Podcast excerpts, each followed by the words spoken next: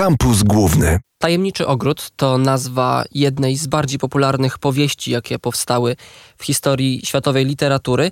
O tajemnicach naszych ogrodów porozmawiam teraz z Anną Albin z Ogrodu Botanicznego Uniwersytetu Warszawskiego. Dzień dobry. Dzień dobry.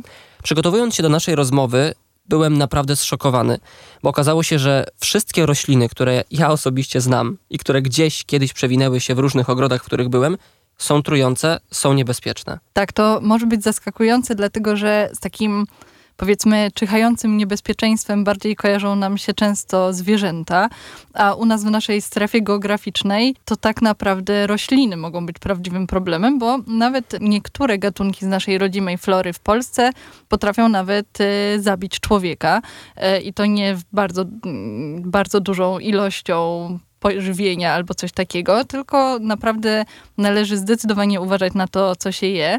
Też wiele z roślin, którymi się otaczamy, czy w naszych mieszkaniach, czy w ogrodach, albo które spotykamy na codziennych spacerach, mogą przyczynić się do jakiejś reakcji alergicznej organizmu albo właśnie spowodować zaburzenia trawienia i różne problemy. Więc zdecydowanie zanim się zje, należy sprawdzić, co to jest. Jak się okazuje, szczególnie niebezpieczne nie są te rośliny, które stworzył człowiek niejako, ale te, które zostały zaadaptowane z, ze środowiska naturalnego, a zwłaszcza przywiezione z innych kontynentów, prawda? Nie wiem, e, czy umiem tak e, powiedzieć od razu, że, e, że to właśnie te przywiezione są najbardziej problematyczne u nas pod tym względem, ale mm, na pewno trzeba się zastanowić, dlaczego w ogóle rośliny sprawiają, że mamy takie na nie reakcje. One po prostu w przeciwieństwie do zwierząt nie mogą uciec, nie mogą się obronić ucieczką przed atakiem, tylko przed zjedzeniem bronią się właśnie wydzielając różne toksyczne substancje. To, co jest całkiem, powiedzmy, pozytywne w tym całym dość y, ciężkim temacie, to to, że roślinom nie zależy na tym, żeby nas powiedzmy zabić, e, albo żebyśmy zjedli ich bardzo dużo i później czuli się bardzo, bardzo źle, tylko zwykle wydzielają jakby te substancje, które są dla nas trujące, są albo gorzkie, albo jakieś nieprzyjemne w smaku, albo dają e, dziwne odczucia od razu w buzi, albo powodują alergię na skórze. Także po krótkim już kontakcie z tą rośliną stwierdzamy, że wcale tego jeść nie chcemy. Czyli rośliny wysyłają sygnały do nas poprzez kolor i poprzez smak między innymi. Tak, zdecydowanie. I dlatego mm, każdy z nas ma tak naprawdę taką wiedzę. Jak widzimy owoc, nie wiem, jabłko, gruszkę, e, śliwkę, to e, tak naprawdę wiemy, kiedy ona jest dobra do spożycia, ponieważ wtedy właśnie staje się słodka, staje się miękka. E, zjedzenie, e, nie wiem, całego woreczka dojrzałych czereśni dla wielu nie jest problemem, a zjedzenie woreczka niedojrzałych czereśni już e, do przyjemnych nie należy. Więc rośliny nas informują o tym, czy je jeść, czy nie. Przejdźmy teraz przez kilka takich roślin, które każdy z nas gdzieś zna, albo każdy z nas gdzieś widział w swoim ogrodzie czy w innych ogrodach. Pierwsza, najbardziej chyba znana ze swojej trującej natury, i, czy roślina to cis pospolity. To gdzieś nam się przewija bardzo często, ale okazuje się, że on nie jest do końca trujący w każdym aspekcie, że nie każda część jest trująca, prawda? Prawie wszystkie e, elementy budowy cisu są trujące, bo i drewno, i igły, i nasiona, ale te różowe osnówki, które na pewno e, wielu, wielu słuchaczy kojarzy, one nie są trujące. No i to jest przystosowanie cisu do tego, że jest on e, zjadany przez ptaki, które e, mają krótszy układ pokarmowy niż my. No i zjadają te nasionka pokryte tą taką słodkawą, różową osnówką, lecą gdzieś dalej, tam się wypróżniają z tego nasionka, a same jakby dostają nagrodę w postaci tej e, bogatej w cukry i składniki pokarmowe osnówki. Ale u nas to tak nie do końca działa, dlatego że my mamy znacznie dłuższy układ pokarmowy i szybko trawimy tą osnówkę, a później zaczynamy trawić samo nasionko. No i cis to jest rzeczywiście roślina, która jest powszechna. Praktycznie w, no, prawie w każdym parku jest do spotkania. Ludzie sadzą też w ogrodach. Naturalnie występuje też w Polsce, chociaż została doprowadzona do, do, na skraj wyginięcia już wiele um, stuleci temu ze względu na świetne właściwości drewna cisowego. No ale właśnie ten cis wokół nas rośnie, a mało kto wie, że kilka nasionek lub powiedzmy garść igliwia może spowodować nawet śmierć dorosłego człowieka.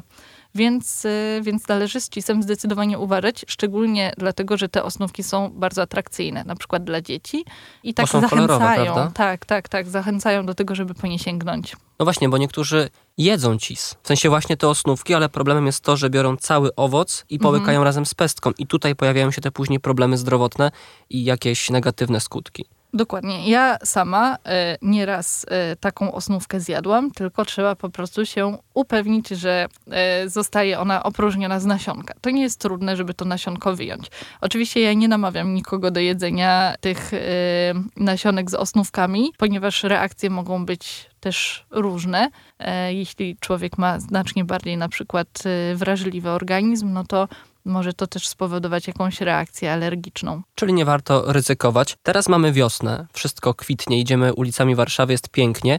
I jak się okazuje, rośliny cebulowe, czyli tulipany, hiacynty, narcyzy, też są trujące. Tak, tak. W ogóle dużo roślin cebulowych, również w lasach, jak zawilce czy e, ziarnopłony, złocie, ale też żonkile, tulipany. One e, rzeczywiście zawierają trujące związki.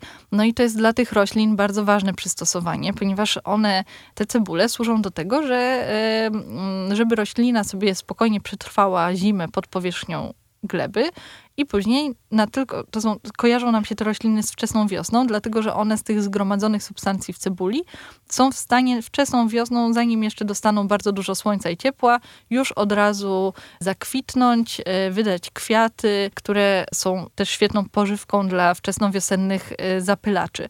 Ale również jest to moment, kiedy nie tylko zapylacze są głodne po śnie zimowym, ale również mm, różne zwierzęta, które zimą żywiły się e, jakimiś korzonkami, jakimiś strzępkami, e, roślinnymi resztkami, e, jakieś kopytne i tak dalej. No i one po prostu, te rośliny cebulowe zabezpieczają się przed zjedzeniem przez na przykład większe ssaki. Tak, ale wielu ogrodników mówi, mam problem z nornicami. I tutaj w tym przypadku, kiedy taka nornica zjada cebulę tulipana, mhm. to ona, jej to nie przeszkadza. To jest też z uwagi na krótszy układ y, pokarmowy, tak, jak w przypadku ptaków, czy z czego to wynika, że człowiek jest tak ułomny, a nornica jednak nie? To jest bardzo dobre pytanie i rzeczywiście też w ogrodzie u nas, w ogrodzie botanicznym UW mieliśmy problem z nornicami czy myszami, które po prostu zjadały, kiedyś zostało zasadzone, jest taka legenda w ogrodzie, że zostało zasadzone tyle tych cebulek, tulipanów i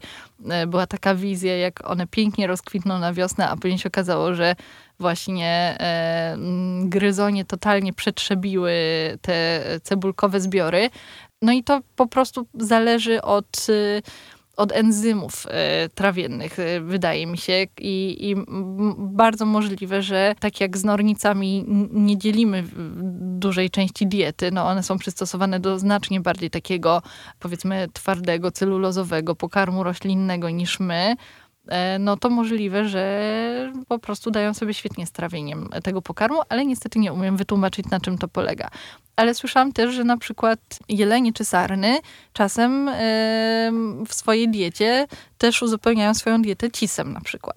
I e, coś, co dla nas e, wydaje się być błędem. Może jest to jakaś sarnia medycyna ludowa na jakieś dolegliwości żołądkowe. Ciekawe bardzo. Moim gościem jest dzisiaj Anna Albin z Ogrodu Botanicznego Uniwersytetu Warszawskiego. Rozmawiamy o roślinach, o szkodliwych, trujących roślinach w naszym ogrodzie.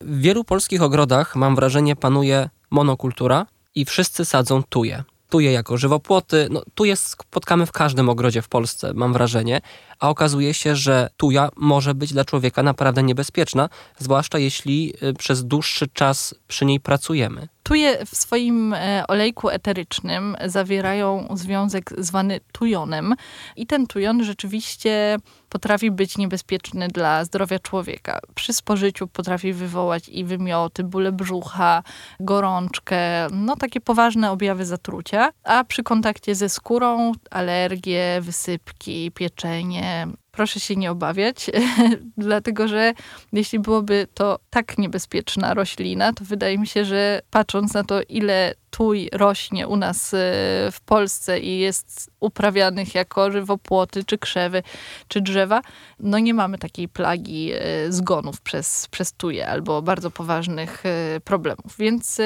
To, co należy robić, no to nie jeść tui za bardzo, szczególnie, że tui on podobno odkłada się w organizmie, dlatego, że, dlatego też nie należy nawet e, regularnie sobie uszczknąć kawałka tui. A po drugie, szczególnie w gorące dni, kiedy te związki lotne, eteryczne bardziej się unoszą, pracować w rękawicach, szczególnie jeśli ktoś właśnie ma e, alergię, taką skłonność do alergii. Ale też tujon jest na przykład zawarty w bylicy piołun, e, w piołunie, której robi się, nie wiem, absynt na przykład, albo piołunówkę, albo dodaje się do różnych leków, no i wtedy też spożywamy ten związek. Więc bardzo często różnica pomiędzy lekiem a trucizną e, w botanice to jest po prostu ilość też czytałem gdzieś, że pracując długo przy tujach, czy właśnie w ogrodzie, warto założyć maseczkę. Czy to jest dobry trop? Tutaj też bym powiedziała, że, że można po prostu zobaczyć, jak nasze ciało reaguje na, na pracę e, z tujami. Można na przykład, jeśli obawiamy się, ponieważ mamy historię na przykład właśnie jakichś skórnych dolegliwości czy coś takiego, e, obawiamy się takiej pracy, nie zaszkodzi taką maseczkę założyć, zobaczyć jak na przykład reagują nasze, nasze ręce, czy kiedykolwiek pojawia się jakaś wysypka.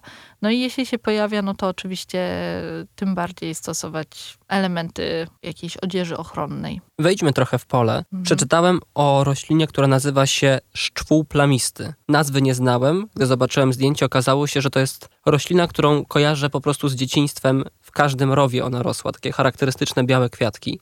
I jak się okazuje, to jest jedna z najbardziej trujących roślin w Polsce. Tak, e, szczwół plamisty to jest właśnie jeden z tych, e, powiedzmy, killerów, o których e, na początku wywiadu wspomniałam. To jest rzeczywiście roślina, gatunek, który pospolicie rośnie w, w całym kraju. W rowach, na brzegach lasów, w, przy płotach. I co jest jeszcze gorsze właśnie, jest ona bardzo podobna do różnych gatunków, które są nam znane z codziennego życia i z naszych codziennych stołów, ponieważ jest to roślina należąca do rodziny selerowatych, kiedyś nazywanych baldaszkowatymi, może komuś się bardziej kojarzy, czyli właśnie rośliny, które mają takie baldachy, kwiatostany w formie baldachów pełnych e, białych takich e, kwiatków. Do tej rodziny należy i marchew, i pasternak, i pietruszka. I właśnie do pasternaku i pietruszki ten szczwół plamisty jest bardzo podobny, też z liści. Czy do trybuli leśnej. To jest też y, roślina rosnąca w, w lasach powszechnie, która nie jest trująca. No a ten szczwół to jest y, no naprawdę coś. W ogóle uważa się, że szczwół plamisty został mm, użyty do otrucia Sokratesa, mm, że to była ta cykuta, która została podana Sokratesowi jako, jako kara śmierci. E, no i też to działanie, e, jak e, szczwół uśmierca jest ciekawe, ale dość przerażające, ponieważ robi się postępujący paraliż nóg, a jednocześnie człowiek pozostaje w pełni świadomy, więc paraliżuje ciało i idąc od, od dołu ten, ten szczwół i po prostu w pewnym momencie ten paraliż do mięśnia sercowego dochodzi i człowiek umiera tym bardziej roślin z rodziny właśnie e, selorowatych, baldaszkowatych, o małych białych kwiatkach nie należy jeść bez sprawdzenia, ponieważ może to mieć tragiczne konsekwencje. Jest jeszcze jedna e, roślina z tej rodziny, która właśnie jest bardzo trująca, szalej jadowity, ale on ma już e, troszkę inne liście niż pietruszka i rośnie bardziej na terenach podmokłych. Jak się okazuje, też zatrucie w tym przypadku może doprowadzić do utraty mowy, a nawet do śpiączki. Więc rzeczywiście te konsekwencje mogą być bardzo daleko idące. Powiedzmy jeszcze trochę o warzywach, dlatego że nawet te popularne mogą nam zaszkodzić. Mam tu na myśli na przykład pomidora, gdzie liście i łodygi są trujące dla człowieka. Tak, to e, pomidor należy do rodziny psiankowatych. To jest bardzo ciekawa e, grupa roślin, e, z których część właśnie jest bardzo popularna na naszych stołach. Właśnie pomidor, ziemniaki, papryki, bakłażany, cukinie, a część jak, nie wiem, bieluń, pokrzyk wilcza jagoda czy mandragora mają już takie właściwości mocno trujące. Jeśli chodzi o pomidora i łodygi i liście, te substancje szkodliwe są tam zawarte i całej reszcie rośliny, tak samo jak na przykład ziemniaki, też nie należy ich jeść zanim są dojrzałe, ponieważ zawierają trującą solaninę. Osobiście też uważam, że pewnie takie zatrucia pomidorami nie zdarzają się tak często, ponieważ te gałązki i te liście nie są w ogóle takie zachęcające do jedzenia. ale zdecydowanie należy też uważać. No właśnie, czyli nie jemy roślin czy warzyw, które są niedojrzałe, zwłaszcza ziemniaki, bo one często mają na przykład y, część zieloną. Czy jeżeli my tą część obetniemy podczas strugania ziemniaka, to jest ok, czy powinniśmy takiego całego ziemniaka od razu wyrzucić, jeżeli on ma, jest częściowo zielony? Czy może jednak jest gdzieś ryzyko? Ja mogę powiedzieć e, jako ja osobiście, że ja odcinam i gotuję, ale e, oczywiście ludzie są różni i, i, e, i jeśli są obawy, to lepiej wyrzucić. Powiedzieliśmy o kwiatach, powiedzieliśmy o owocach. Która, jakby pani mogła tak sklasyfikować, część jest najbardziej trująca? Czy to da się jakoś tak określić, że na przykład owoce zawsze, czy tam częściej będą trujące niż na przykład liście? Że na przykład tam się zbierają te, te trujące substancje bezpośrednio w owocu, a może właśnie w korzeniach, w łodygach? I nie umiem podać jakichś takich e, statystycznych danych dotyczących tego, ale możemy jakby pomyśleć o tym, o co roślinie właśnie chodzi, powiedzmy w cudzysłowie oczywiście, dlaczego te substancje trujące tam się znajdują i gdzie dla rośliny byłoby najlepiej, żeby się znajdowały. Owoce to są takie wytwory rośliny, które służą do, rozmnażania, do rozprzestrzeniania się.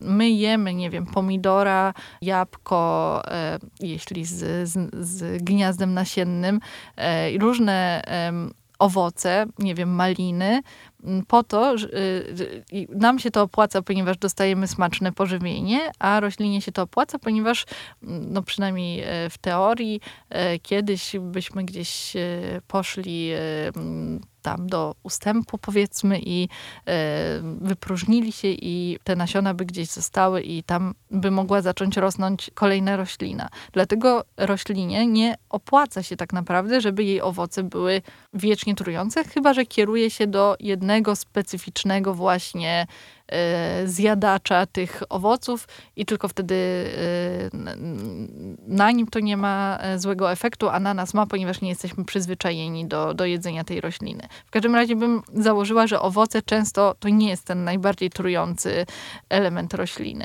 szczególnie dojrzałe, ale oczywiście zależy, zależy jaki gatunek. Często te substancje mm, toksyczne gromadzą się właśnie w liściach, w częściach naziemnych, ponieważ e, roślina tym samym broni się przed, e, przed zjadaniem, ale to też zależy od tego, e, dla kogo co jest toksyczne, bo choćby mm, rośliny, które popularnie na co dzień używamy jako zioła, e, nie wiem, bazylia, mięta, jakieś oregano, rozmaryn, no to sub, substancje, które my czerpiemy przyjemność z dodawania ich do swoich potraw, też zostały wyprodukowane przez rośliny, ponieważ nie smakują e, roślinożercom z ich naturalnych stanowisk występowania i to jest tak jakby obrona. A jeśli chodzi o podziemne części, czyli korzenie i kłącza, to różnie. Wracając na przykład do tego szczwołu plamistego, to wczesną wiosną najwięcej substancji takiej toksycznej znajduje się właśnie w kłączu, a później jak rozwijają się liście, to z kłącza te substancje przechodzą do liści i wtedy one są najbardziej toksycznym elementem Czyli tej rośliny. Czyli tak niejako migrują do góry. Tak. Razem tak. z rośliną, jak ona wzrasta. Tak, dlatego że to jest największe zagrożenie tej, dla tej rośliny, to jest y, zostanie zjedzonym przez roślinożerców. Mówiliśmy o zwierzętach, które jedzą rośliny i im to nie szkodzi w wielu przypadkach, ale co z, ze zwierzętami domowymi? Jeżeli na przykład nasz pies wybiegnie do ogrodu wesoły i jednak coś mu przyjdzie do głowy, że a nuż spróbuje tego cisa, cisu. Mhm. Co wtedy może się wydarzyć? Czy to może być dla niego szkodliwe? Tak, jak najbardziej trzeba zdecydowanie uważać na swoje zwierzęta domowe, czy gospodarskie też, i w mieszkaniu, i, i na, znaczy gospodarskie często nie w mieszkaniu, no ale domowe w mieszkaniu i w ogrodzie, a gospodarskie na zewnątrz. Jest nawet taki fragment podręcznika weterynaryjnego, który, gdzie jest napisane, że jednym z pierwszych, jeśli chodzi o na przykład konie czy, czy, y, czy bydło, jednym z pierwszych y, objaw zatrucia cisem jest nagła, niespodziewana śmierć, więc y, trzeba naprawdę e, na zwierzęta uważać. To też tyczy się roślin, które są popularne w naszych mieszkaniach, czyli na przykład roślin z rodziny obrazkowatych, bardzo popularnych, czy monster, Diefenbachi, albo mm, fikusów, które też często mamy w domach. To są rośliny, które zawierają, e, fikusy zawierają na przykład toksyczny sok mleczny, który mm, zawiera e, związki chemiczne podobne do lateksu, które mogą też e, na przykład źle wpływać na, na koty, z tego co słyszałam. No właśnie, a nasze koty bardzo lubią chodzić po parapetach i te kwiaty, te rośliny de facto tak. podgryzać podgryzać, trącać łapką i tak dalej. Ja nie mogę w tym momencie przedstawić jakiejś listy najbardziej trujących dla kotów roślin, ale naprawdę uczulam wszystkich właścicieli i właścicielki, żeby sprawdzili, co rośnie u nich na parapetach, właśnie w obawie przed, y, przed zwierzętami domowymi. A jeśli chodzi o psy, no to też y, może psy nie mają takiej y, wielkiej chętki na, y, na obgryzanie takich, chociaż może też, no w sumie roślin ogrodowych. Na pewno trzeba, trzeba uważać na to. Wróćmy na chwilę jeszcze do ludzi. Mhm. E, wśród ludzi jednak największe zagrożenie rośliny stanowią dla dzieci bo też to stężenie jest no, większe proporcjonalnie do masy ciała. Tak, jak najbardziej. Dzieci są najbardziej wrażliwe na wszelkie toksyny, trucizny i tak dalej. Trzeba, w zależności od tego, jak duże jest dziecko, no to oczywiście odbywanie rozmowy od pewnego momentu o tym, że nie należy jakby e, jeść e, niesprawdzonych rzeczy, brać listków i wkładać do buzi i tak dalej, no to to jest bardzo ważne. A wcześniej, no to też po prostu postawić te rośliny bardziej toksyczne na wyższą półkę bo też nie chodzi o to, żeby w dzieciach rozwinąć strach przed przyrodą czy przed roślinami, tylko o to, żeby takie uświadamiać po prostu. Też warto zabierać dzieci na przykład do ogrodów botanicznych i pokazywać im te rośliny mhm. E, z pełnymi opisami, zdjęciami, bo taka edukacja też myślę jest cenna, prawda? Jak najbardziej. To chodzi o rośliny toksyczne, trujące, ale też takie z codziennego użytku. Mamy u nas w ogrodzie botanicznym całą ofertę zajęć, warsztatów dla dzieci, również takie e, dotyczące sezonowego jedzenia i kulinariów. No i bardzo regularnie nam się zdarza, że właśnie dzieci, ale w sumie też nie tylko dzieci, nie wiedzą, jak wyglądają rośliny, które codziennie jedzą. Nie wiem, ziemniaki, pomidory, właśnie. Mm, więc to jest na pewno wiedza, która później zaowocuje w przyszłości taką, taką po prostu wiedzą o świecie i o tym, co nas otacza. I też może uratować nasze zdrowie, a nawet życie. Jeśli jednak zjemy, połkniemy ten fragment rośliny, czy powinniśmy od razu dzwonić po pogotowie, czy jednak na przykład wypicie dużej ilości wody jest w stanie nam pomóc, po prostu, że my to jakoś rozcieńczymy te substancje, które przyjęliśmy razem z rośliną. To oczywiście zależy od tego, co zjemy i jak dużo. E, jak e, czytałam o mm, zatruciach na przykład popularnymi roślinami domowymi, e, właśnie, nie wiem, monsterą, diefenbachią i tak dalej, to bardzo często wystarczy przemyć buzię, ponieważ tam są takie kryształki sztawianu wapnia, które jakby powodują opuchnięcie jamy ustnej. Przemyć wodą, przepłukać, czy u siebie, czy u dziecka, czy u zwierzęcia i później zgłosić się do lekarza. E, to zwykle jest ostatni element wszystkich e, porad tego typu. Jeśli mamy jakąkolwiek wątpliwość, oczywiście przepłukać to powinien być pierwszy krok, ale jeśli mamy jakąkolwiek wątpliwość, udajmy się do lekarza na konsultację, żeby sprawdzić. Sprawdzić nie zaszkodzi, a niesprawdzenie może mieć ciężkie konsekwencje. Tym bardziej warto się edukować, odwiedzać takie miejsca jak na przykład Ogród Botaniczny Uniwersytetu Warszawskiego. Gościem Radia Campus była Anna Albin właśnie z Ogrodu Botanicznego UW. Dziękuję bardzo za rozmowę. Dziękuję. Kampus Główny.